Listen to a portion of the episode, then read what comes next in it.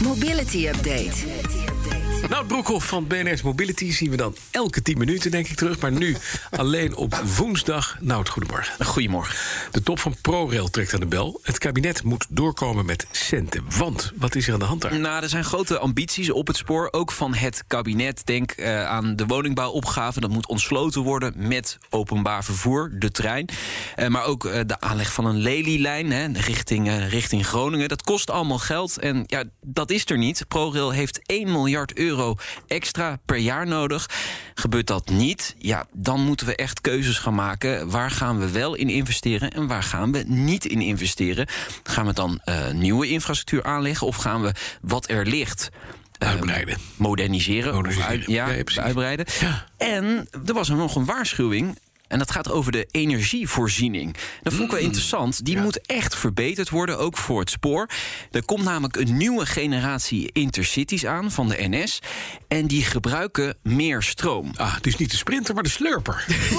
Ja, precies. Heel duurzaam Ja. dus. Eh, Lekker duurzaam. Ja, ja, tenzij je de- stroom groen opwekt natuurlijk met wind. Ja, maar Ja. dat gebeurt toch niet overal? eh, nee. Ja, maar Ja. NS geloof ik wel redelijk. Maar wat er nu dreigt, is als die stroomvoorziening niet wordt eh, verbeterd, dan kunnen die treinen niet zo hard rijden. Dan heb je dus snellere treinen, maar die kunnen niet op die snelheid rijden. Omdat ze- slakker. ja, Ja, dat is- ben benieuwd. Dus dat, dat zijn wel uitdagingen. Stoptrein.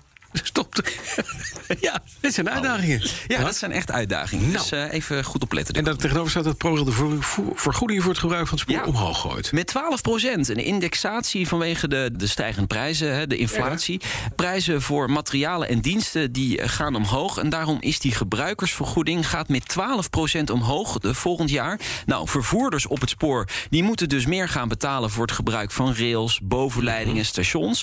En dat vinden ze natuurlijk niet leuk. Ze zijn met stomheid geslagen. Dat vind ik dan weer raar, want je ziet toch wat er gebeurt in de wereld. Alles wordt duurder. Maar 12 procent is natuurlijk wel veel. Nou. Welke gevolgen gaat dat hebben? Ja, waarschijnlijk gaan wij dat ook betalen. Dat gaan ze doorbelasten aan de reiziger. Ik ben bang, en Ah, het is 18 mei, nieuwjaar is dan nog heel ver weg... maar ik ben bang dat de treinkaartjes en de kaartjes voor het gebruik van de bus en de tram omhoog gaan. Oké, dus wij gaan betalen, het kabinet gaat betalen... en de treinen gaan minder hard rijden. Nee, goed verhaal. Maar gelukkig gaat de OV was al vrij goedkoop. En, oh nee, toch niet. Oh nee, het is zo duur.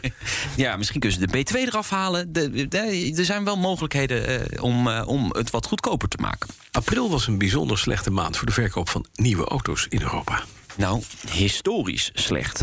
April min 21% in Europa. Eh, net geen 685.000 nieuwe auto's verkocht in Europa. De slechtste aprilmaand sinds de meting is begonnen. En dat is 25, 30 jaar geleden. En dat komt natuurlijk door de leveringsproblemen... door de chipstekort en andere onderdelen... die niet leverbaar zijn op dit moment.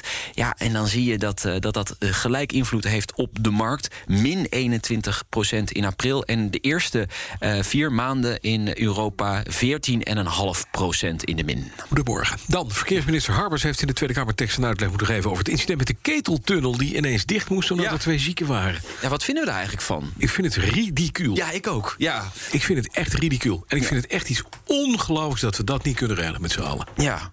Dat vind ik een, een, een hoge vorm van incompetentie in de ambtenarij. Nou, hij benadrukte nogmaals in de Tweede Kamer dat eh, de sluiting niet kwam door een structureel personeelstekort. Het was gewoon een, ja, echt een samenloop van omstandigheden. Maar, zegt hij ook in de Tweede Kamer, de draaiboeken zijn niet helemaal goed nageleefd. Want ook al zijn er twee zieke toezichthouders, dan nog moet er nog altijd meerdere vervangers eh, eh, zijn om die andere mensen Daar moet altijd achterwacht zijn. altijd achter te Iemand heeft ja. liggen tukken. Ja, de draaiboeken zijn niet strikt nageleefd. En Zegt. zelfs zoiets als iets onbenulligs als bij BNR. Als jij ziek bent, dan is Meindert er. En als Meindert er niet is, dan is er wel iemand anders. of niet. Dus er zijn altijd mensen klaar. Hoe kan het bij zoiets essentieels dat dat niet het geval is? Nou, in de vent de Schipholtunnel. Kom op zeg. Ja, nou, hij hoopt in ieder geval op een eenmalige gebeurtenis. En eh, hij zegt dat bij Rijkswaterstaat de schik er goed in zit. Die organisatie laat natuurlijk nu onderzoek doen naar wat er precies is gebeurd. Maar dat kunnen wij ook wel raden. Er zijn gewoon twee zieken en er was geen achtervang meer. Dus ja, eh, natuurlijk. Dat veel onderzoek hoef je daar niet naar te doen, Nee, volgens mij. dan, dan Ja. weet je dat ook. Dan moet je Ja. het dus anders inrichten. Maar de draaiboeken geven dus kennelijk aan dat het anders kan. Ja. Oké. Kost namelijk heel veel geld, hè, zo'n grap. Maar dat weten we. Ja, dat, dat- We gaan, we gaan er stoppen met opwinden, want het is slecht voor de hartslag. In twee Amerikaanse steden rijden auto's nu rond zonder bestuurder. is autonoom dan toch geen droom? Het is wel een droom. Het is wel een droom. Maar eh, er wordt wel mee getest in eh, Miami en Austin eh, door het bedrijf Argo AI.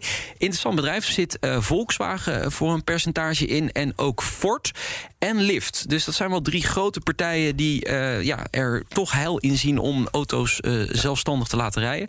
In die auto zit geen bestuurder. Eh, passagiers zitten achterin. Maar het zijn wel werknemers van Argo AI. Met een helm op. Ja, ze hebben vijf jaar gewerkt om deze stap te zetten. Dat is dan wel weer knap. En we gaan even luisteren naar iets dat ze op Twitter hebben gezet. I mean, it's so exciting to be able to be in the car, to see it driverless. It really does feel very natural. It's driverless, Brett. It's really driverless. Driverless.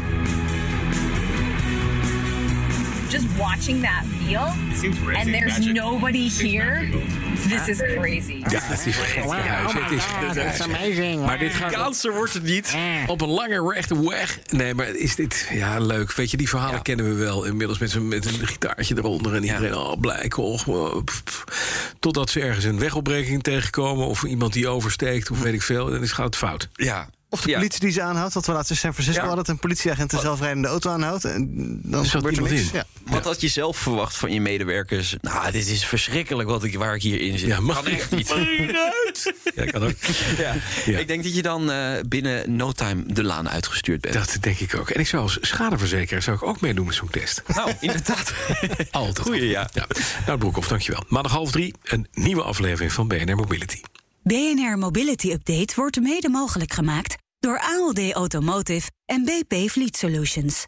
Today, tomorrow, together.